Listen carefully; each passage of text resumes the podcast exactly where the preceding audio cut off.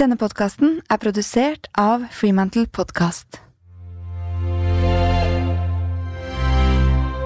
Du får ikke mange som kommer og klapper deg på skuldra og ønsker deg vel. Du må ha litt spisse albuer, og det er litt sånn uh, survival of the fittest.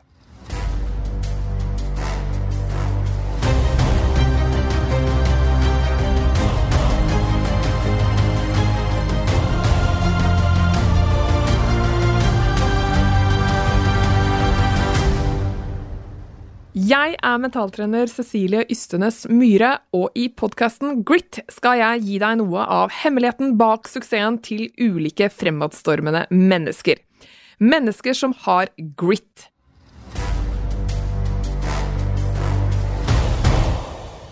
Hei, kjære Grit-lyttere, og velkommen til en ny sesong.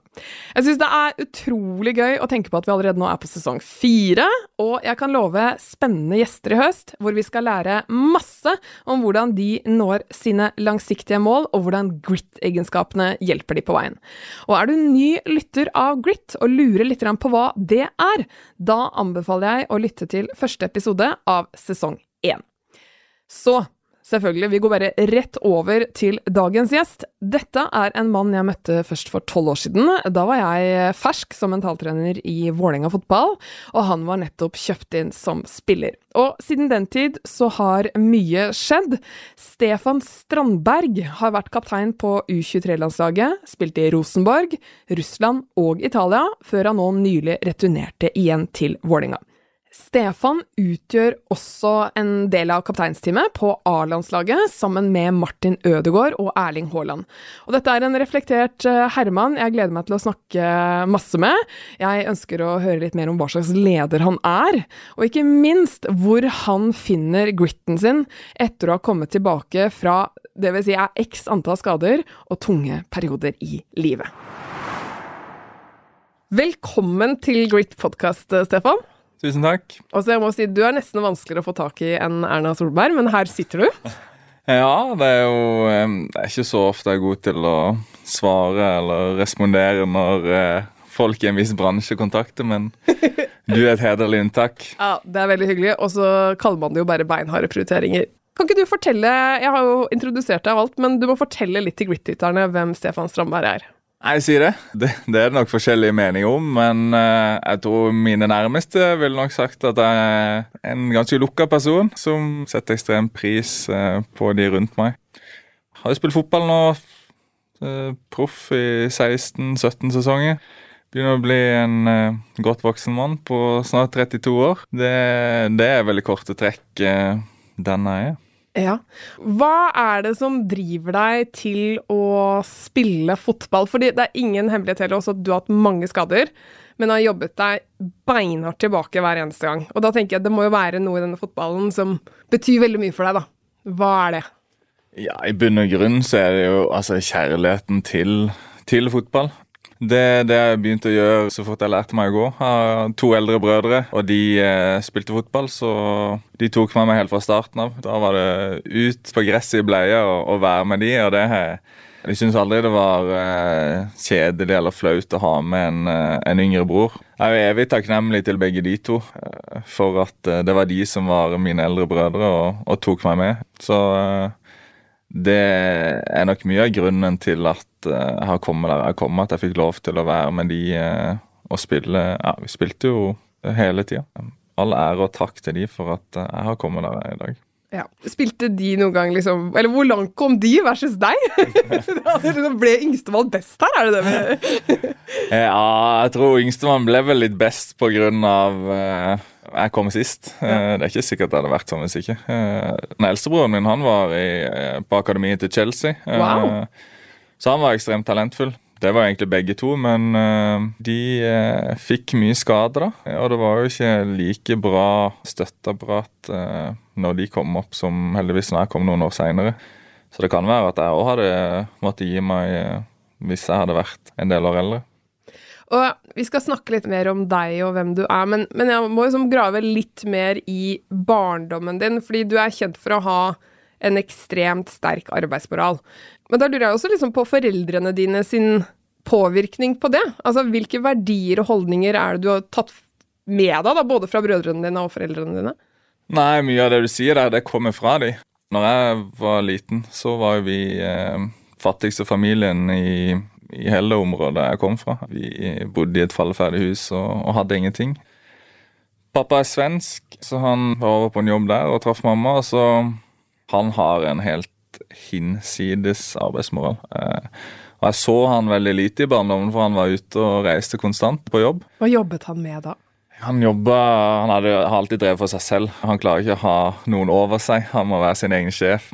Han har jobba mye i cruiseindustrien, altså han har vært mye utenlands. Da har mamma vært hjemme og passa på oss tre gutter. Og jeg husker det var jo ofte sånn at han kunne vært ute i seks, sju, åtte uker på en eller annen jobb, og så typ dagen før han skulle komme hjem, så var det bare telefon hjem til mamma og si at nei, det blir fire eller seks uker til.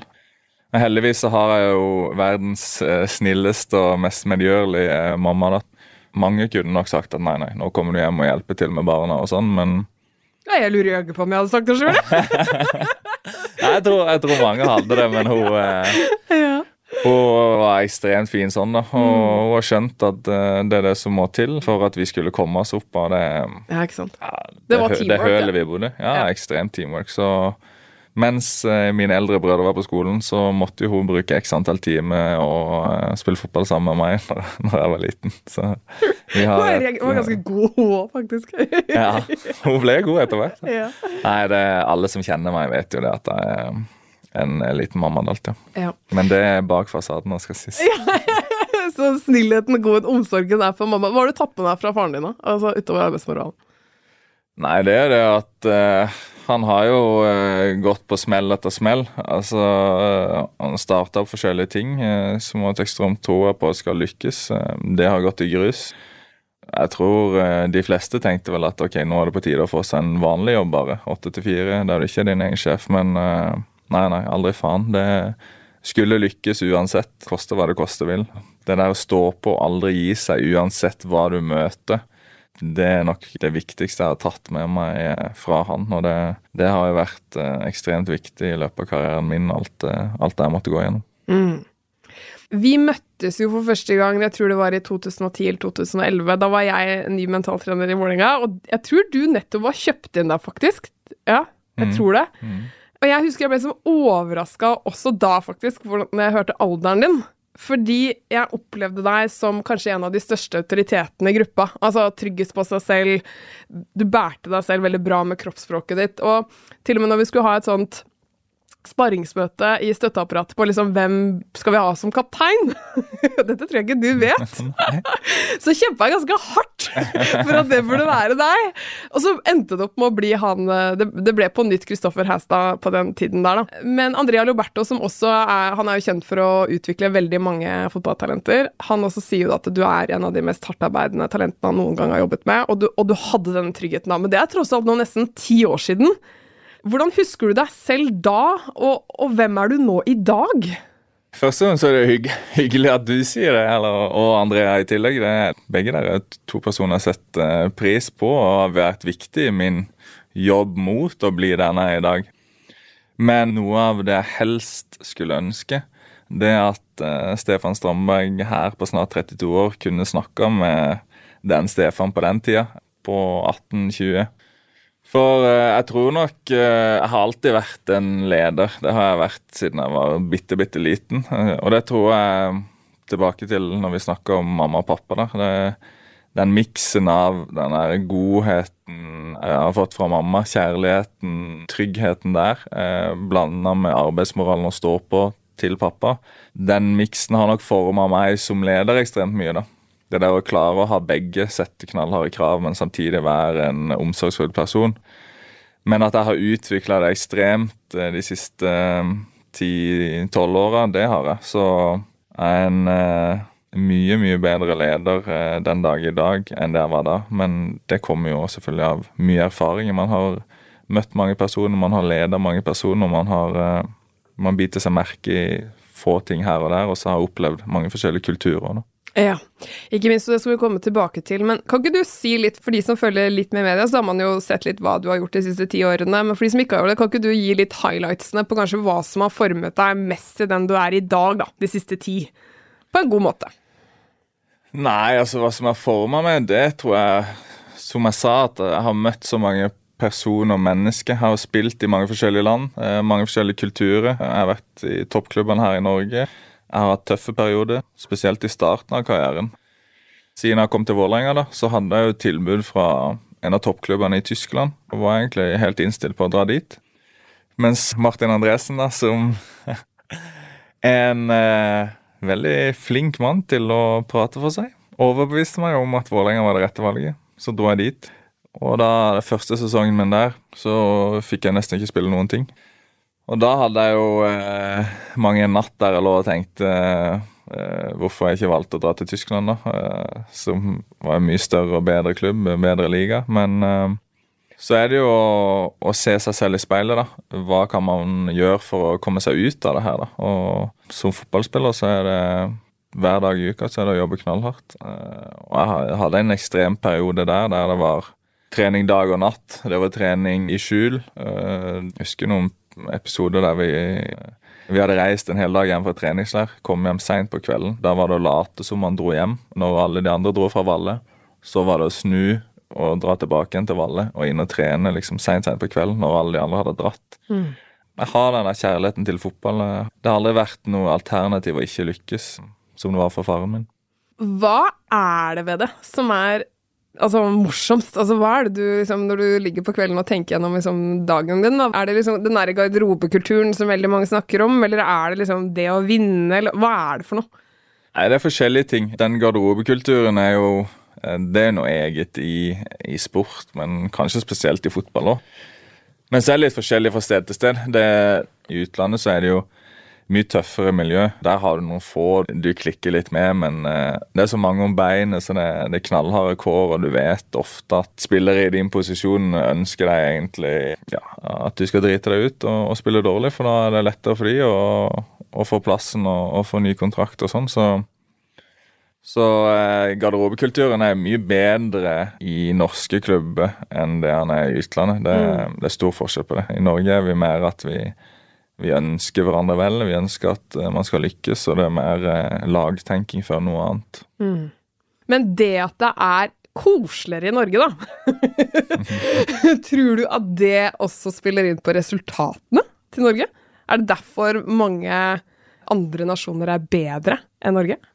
Ja, det tror jeg helt klart. Vi, uh, vi er altfor snille i Norge. Det, det settes altfor lite krav. Det har man jo bare um, fått bekrefta til gangs etter mange år i utlandet, at det er mye tøffere der ute. Og hvis ikke du leverer opp til de kravene som blir stilt, så, så er det dessverre sånn at da er det nestemann på lista. Da har du fått prøvd og ikke lykkes. Og det er jo en av de tingene som har forma meg som leder. Sant? Altså det å Jeg stiller mye større krav til meg selv og de rundt meg nå enn det jeg gjorde før jeg visste alle de tingene her. Og det har jo kommet med erfaring. Så innen den bransjen jeg driver, da, som sport og fotball, så tror jeg man aldri skal undervurdere erfaring. Nei. Denne nyheten har jeg gledet meg til å dele med dere. For nå kommer annonsøren min Dagens Næringsliv med en utrolig spennende podkast. I over ett år så har DN fulgt politiets krise- og gisselforhandlere, KGF, på oppdrag. En nasjonal gruppe som er spesialtrent til å forhandle i veldig krevende situasjoner i inn- og utland. Vi snakker ved terrorhandlinger, gisseltagning eller selvmordsforsøk. Gjør de alt i sin makt for å hindre at menneskeliv går tapt. Podkasten hadde premiere 12.9, og du finner den alle steder man kan høre podkast gratis, som f.eks. i Spotify eller Apple Podkaster. Det kommer en ny episode hver mandag, og podkasten heter Forhandlinger på liv og død. Jeg er allerede blitt fan. Skriv opp eller trykk abonner på den nå, så husker du det når du skal på vei til jobb i morgen.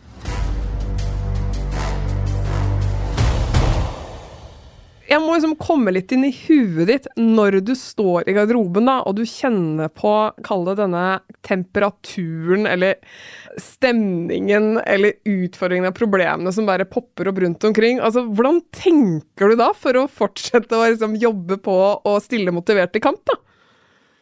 Nei, det er som du sier, man skal være tøff mentalt. Og det er jo det er ekstremt mange med samme talent der ute. Mange norske spillere som eh, er like gode som sikkert mange av oss andre. Men det er det, som jeg sa, da, det er mye tøffere der ute. Du får ikke mange som kommer og klapper deg på skuldra og ønsker deg vel. Du må ha litt spisse albuer, og det er litt sånn uh, survival of the fittest. Sånn er det bare. Det er en ekstremt stor bransje. En tøff bransje. Og um, jeg tror jeg aldri alltid har vært sterk mentalt, men det har forma meg mye òg gjennom de åra. Og har fått spesielt jobbe mye mentalt da under skadeperiodene mine. Uh, da kan du ofte sitte i en garderobe der folk føler at du ikke bidrar noe. sant? Altså, Du kan heve gode lønninger, men hva gjør du ute på banen for å bidra? Ingenting pga. at du er skada. Og der er det ikke sånn at de hjelper deg for mye med å komme tilbake. Det er ditt ansvar å komme tilbake og hjelpe de, og det har jeg følt både fra spillere og ledere og trenere rundt meg at, uh, at det er din feil på en måte at du er skada. Eh, så det har vært tøffe tak. Jeg husker spesielt én situasjon der broren min fikk jo kreft for en del år siden. Så ble han frisk, og så uh, ante vi litt ugle i mosen. Da hadde jeg akkurat operert for hva var det, tredje, tredje gang samme skaden. Vært ute i lang, lang tid. Vi dro på sykehuset og frykta det verste. Og da fikk vi beskjeden at ja, tilbakefall med veldig liten mulighet for å overleve. Samme dag så skulle jeg egentlig dra tilbake til Russland etter skadeperioden. Jeg gikk rundt på krykker der oppe på sykehuset, tok telefonen til Russland, sa at det er krise, jeg må få lov til å være litt med broren min. Fikk blankt avslag. Nei, du skal på første fly.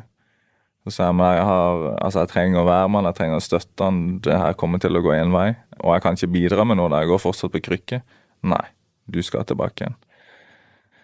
Og det Sånne ting former deg og gjør deg Altså, der og da så er du helt knust og ødelagt, og det, det setter sine spor, men på lang sikt da, så, så, gjør det noe med deg mentalt. Det samme som når jeg går inn i da, viktige kamper fremover og sånn. Altså, Hva er det å frykte? Jeg har jo vært igjennom ting som er tusen ganger verre enn det her. Hva skal jeg være redd for å møte en av verdens beste spisser? Piece of cake. Eh, hva er det verste som kan skje? Ok, han kan gå forbi meg, eller noe sånt, men jeg er ikke redd for noen ting som helst lenger. Blir du på en måte noen ganger som bitter på, på det liksom, en sånn type bransje som kan være så kynisk, da? Eller klarer du på en måte å se forbi det? Det er en del av gamet, det er det jeg har signet opp på, og egentlig trent på det siden jeg var guttunge. Det er litt både òg. Når du står i vanskelige situasjoner, så er det vanskelig å se at folk kan tenke på en viss måte. Men da er det viktig på en måte å, uansett hvor ille situasjonen er, så må du klare liksom å se litt utafor bare dine egne følelser og ting.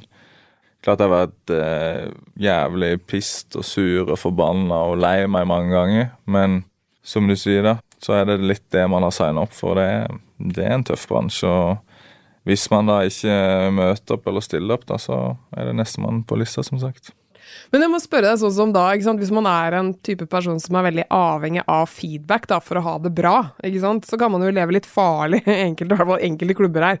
Så, så lurer, jeg lurer på da, liksom, hvor er det du finner det, motivasjon og næring til å få ut potensialet ditt når du ikke nødvendigvis får backingen rundt deg? Jeg er ekstremt flink til å evaluere meg selv. Det har jeg alltid vært. Og jeg begynner jo alltid med å se meg selv i speilet. Det gjør jeg som, som leder òg. For at jeg skal kunne sette krav til andre, så må kravene komme først til meg selv. Og det kravene blir bare høyere og høyere.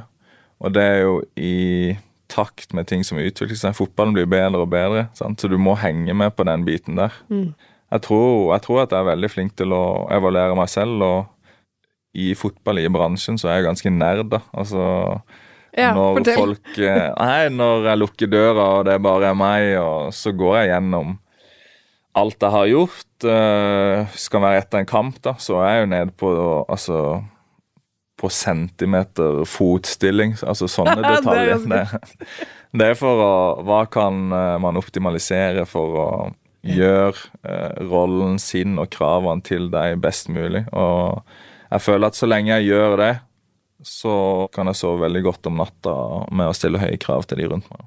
Mm. Du, fortell, sånn, Lederen du da er i dag i kapteinsteamet på landslaget, hvem er det de har i garderobene på banen? i deg? Nei, de har jo en eh, Forhåpentligvis, da. En eh, som kan være både litt mora og litt faren min, da.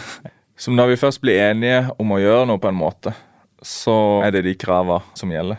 Og på, på, et landslag så er det spesielt viktig. Du har få døgn sammen, og du har viktige kamper hver eneste gang, og det er store ting som kan oppnås. Eh, så når vi blir enige om en vei, noen prinsipper å spille på eller gjøre, så er jeg knallhard på akkurat det.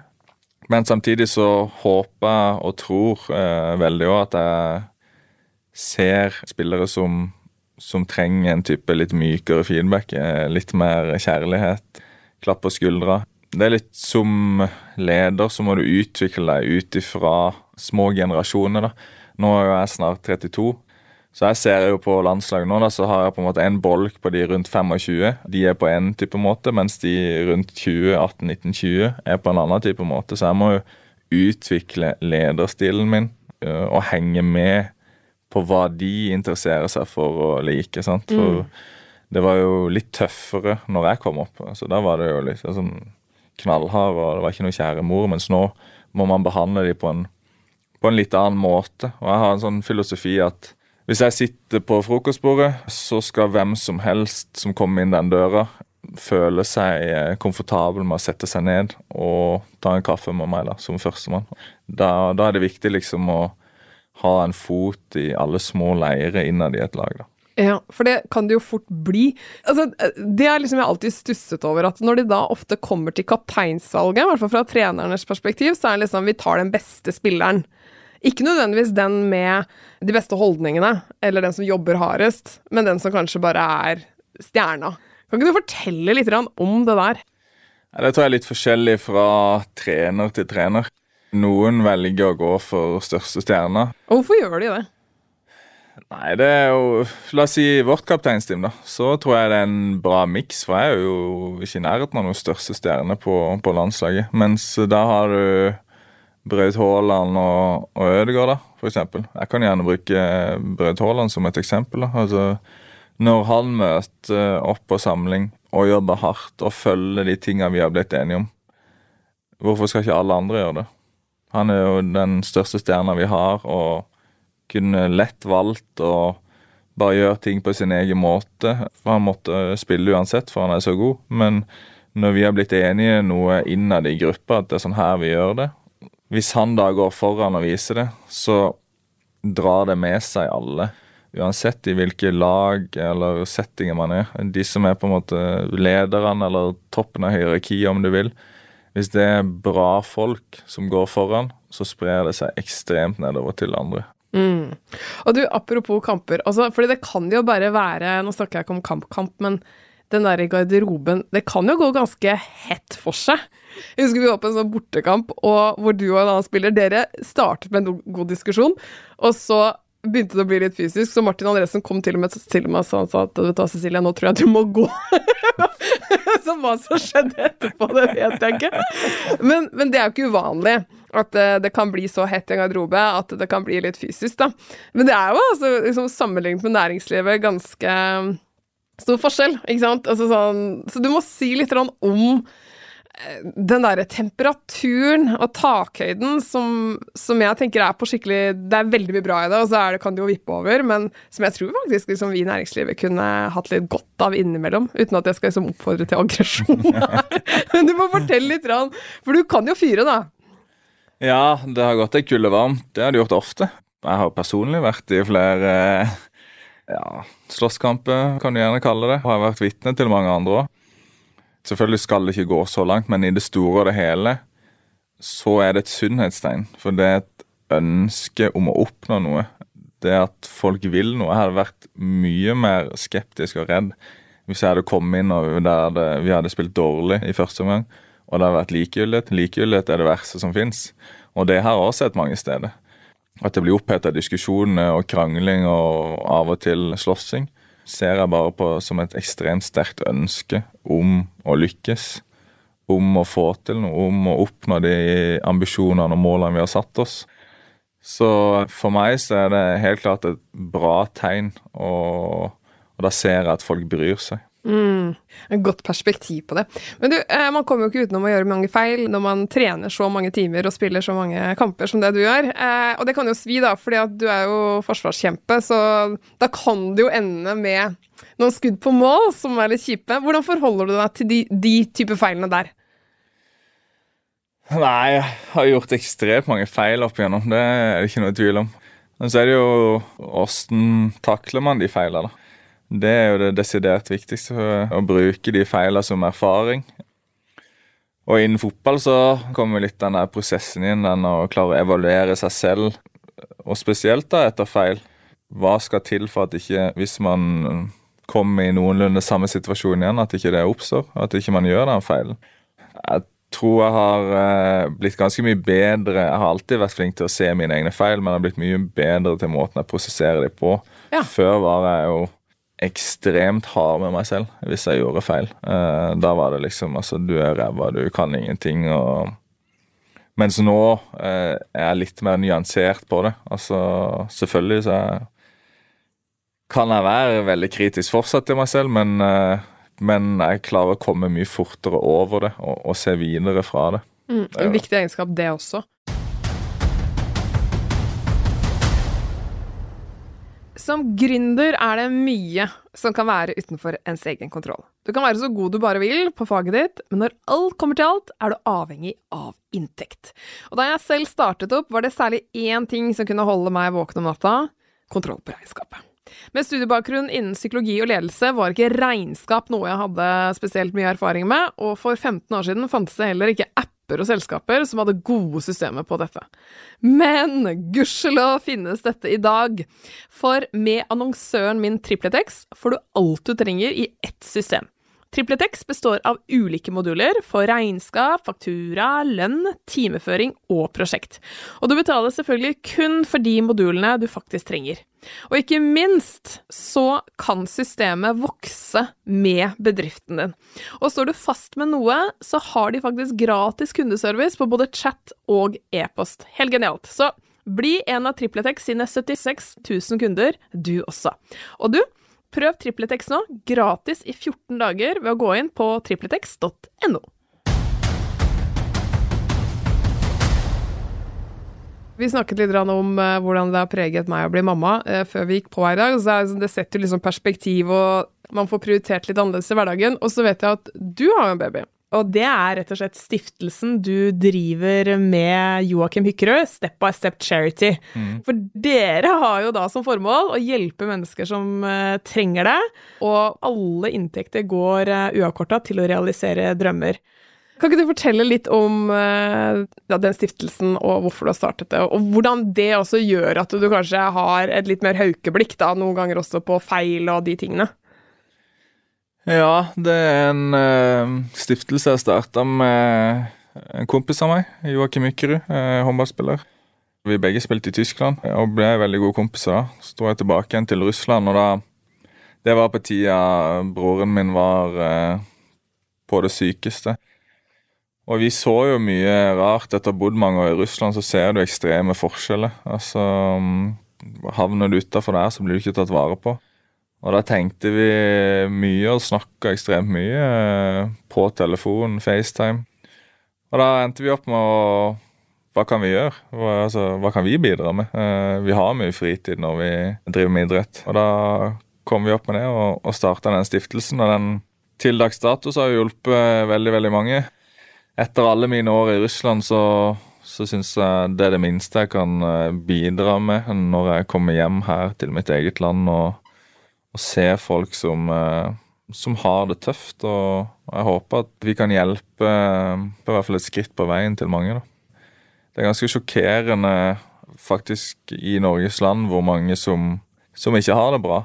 Det som er en krise for meg, eh, trenger ikke å være det for deg, og motsatt. Eh, noen sliter med små ting, noen trenger nesten bare et klapp på skuldra og bli sett. Mens andre har selvfølgelig traumatiske ting de har opplevd. Så vi prøver å og ikke ha noe fast uh, der vi hjelper, men vi prøver å se flest mulig. Selvfølgelig kan vi ikke hjelpe alle, men vi prøver å, å nå over et bredt spekter. Hva gir det deg? Nei, Det gir meg ekstremt mye. Uh, jeg visste ikke at det skulle gi meg nærheten av så mye som det gjør. Du får jo ekstremt perspektiv på ting, da.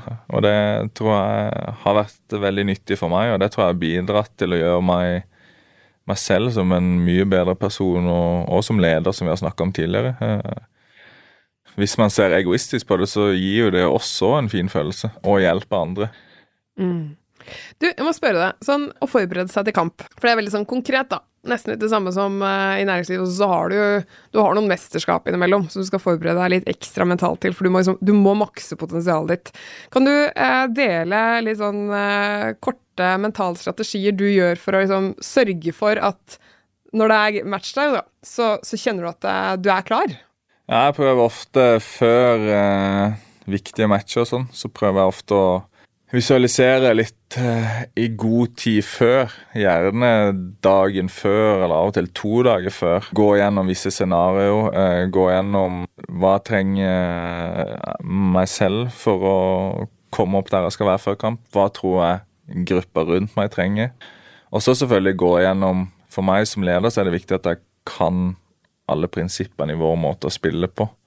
Sånn at for at jeg skal kunne lede, så må jeg kunne alle rollene, alle kravene til hver rolle. Men det prøver jeg å gjøre ganske tidlig, sånn at når man nærmer seg kampdag, så er jeg veldig flink til å legge bort alt, tenke på alt annet, for å ikke bli tappa for energi. For det er viktig å bygge opp energi og adrenalin for min del. Og måten jeg gjør det på, er å koble av, tenke på alt annet. Og så når man har kommet til arenaen og kommer i garderobene, så er det å switche på igjen. Ja. Og der har jeg blitt mye flinkere opp gjennom åra til å klare å switche av og på der, istedenfor å være så inn i det hele veien. Ja, for du, du har jo de som ikke sover eh, dagen før kamp, og som tenker på den kampen så mye som når den fløyta går, så er de jo daudsliten. Er det aktiviteter du gjør for å trekke fokuset vekk, eller kjenner du egentlig bare at det er en mental switch hos deg, rett og slett? Nei, for meg så Det tror jeg har kommet litt med erfaring og, og alder òg. For meg så klarer jeg å switche ganske enkelt i hodet. Jeg trenger ikke å gjøre noe, noe spesielt. Men uh, alltid når jeg går igjennom uh, og visualiserer uh, dagen eller to dager før, så trenger jeg alltid helt ro rundt meg. Det er ikke noe musikk eller TV eller noe da. Da er det ingenting. Da er det bare meg, og så er det de få. Og det, det, det er litt forskjellig hvor lang tid jeg bruker på det. Av og til eh, så kan det gå ekstremt fort. Altså vi snakker kanskje en fem minutter, litt over fem minutter. Før andre kamper så, så kan det ta lengre tid før jeg på en måte får samla alle tankene og er happy med ståa. Da. da kan jeg alt opp mot en halvtime kan jeg, kan jeg sitte og gå gjennom ting og fundere. og og se for meg åssen det her skal bli best mulig. Det er kjempeinteressant. Og så bare lurer jeg på, er det noe du er litt sånn Dette er noe jeg alltid gjør, og dette er noe jeg aldri gjør, som du er sånn nådeløs på fordi du vet at de valgene eller den holdningen tar deg nærmere makspotensialet ditt? Nei, jeg har eh, Når jeg var yngre, så hadde jeg jo litt sånn ritualer. Jeg må Hvis jeg ikke får gjort det her før kamp, så er det helt krise. Da kommer vi til å tape og kommer til å være ræva. Men nå når jeg er blitt eldre, så er jeg mye mer lugn på alt. Før, hvis jeg ikke fikk sove, f.eks. på kampdag, så fikk jeg helt eh, liksom OK, det her er krise. Mm. Mens nå, altså, nå må jeg altså, spille bordtennis, sitte og snakke med folk, eh, hva som helst. Det, det, er ingenting som får meg ut av fatning eh, på noe som helst måte. Eh, du blir tror... mer sånn fleksibel da, på et vis? Ja, det tror jeg med at jeg har mm. blitt mye bedre selv med den mentale switchen. da. Altså, mm. Nå er det hvilken som helst dag. Tenker på alt annet. Det er ingenting spesielt med det her. Før man da ankommer stadion og sånn. Da switcher man helt på igjen. Mm. Men hvis du skulle snakket, du sa det jo litt, hvis du skulle snakket med den unge Stefan Strandberg, så hadde du jo peppet han litt opp på visse måter. Men hvis du skal liksom prøve å snakke litt til de der ute som, eh, som ikke har den erfaringen, og som kan trekke litt læring fra deg, da. Hva ville du sagt til de? Vil, hvilke råd ville du gitt til de? Jeg ville sagt at um, det er ingenting jeg liker bedre enn unge gutter, jenter, som kommer opp med selvtillit. Som tør å vise seg frem så fort de stepper opp ut på banen. Eh, express yourself. Vis meg alt det du har, alt det du kan. Men klar å skille på hva som er selvtillit, og hva som er arroganse. du må jobbe ekstremt hardt for å lykkes i denne bransjen her. Jeg hadde et eh, veldig, veldig stort talent da jeg var liten. Jeg spilte bare fotball for det var gøy. Spiste hva jeg ville. Jeg brydde meg egentlig ingenting om, for jeg fløyt på talentet mitt frem til jeg var 15 år og kom over en som heter Vidar Stensnes, som trøkka det så hardt inn i hodet mitt at eh, du kommer ikke til å komme noe som helst vei hvis ikke du tar et tak, og det er på alt. Og det gjorde jeg samme dag som han sa det til meg. Så switcha jeg om hele livsstilen min. Alt jeg spiste. Begynte å sove, begynte å leve fotball. Det er det der å klare å, klare å ha selvtillit, bygge opp under selvtilliten, forsterke selvtilliten din, men klare å skille den og være ydmyk og jobbe steinhardt, så er jeg helt sikker på at man kommer til å lykkes. Tusen takk for at du kom hit, Stefan. Takk selv. Det var samtalen med Stefan Strandberg, en historie om en mann med ekstremt stor passion for fotball, som har reist seg altså gang på gang gjennom skader og sorg, og kommet tilbake til en drive og holde på med det han elsker aller mest. Og neste uke så skal vi snakke enda mer om mentaliteten som er gjennomgående i Stefan. Vi skal også få besøk av en av landets fremste talentutviklere i fotball, som også har vært en veldig sterk påvirkning på Stefan, nemlig Andrea Loberto.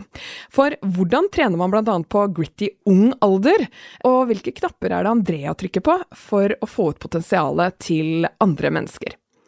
Og til aller sist så vil jeg selvfølgelig oppfordre alle sammen til å gå inn på stiftelsen til Stefan og Joakim Hykkerud, stepbystepcharity.com, og donere et beløp som vil komme noen andre som trenger det mest. For er det også én ting jeg sitter inne med etter å ha snakket med Stefan, så er det at det hjelper å hjelpe.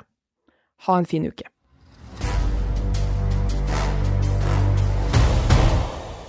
Har du lyst til å lære mer om mentaltrening og grit? Da kan du lese mer i boken min Mental styrketrening, eller boken Stå støtt som kom ut i 2021. Du kan også gå inn på rawperformance.no og lese mer om hva vi tilbyr av tjenester der. Alt fra én-til-én-samtaler, kurs, foredrag og utdanning.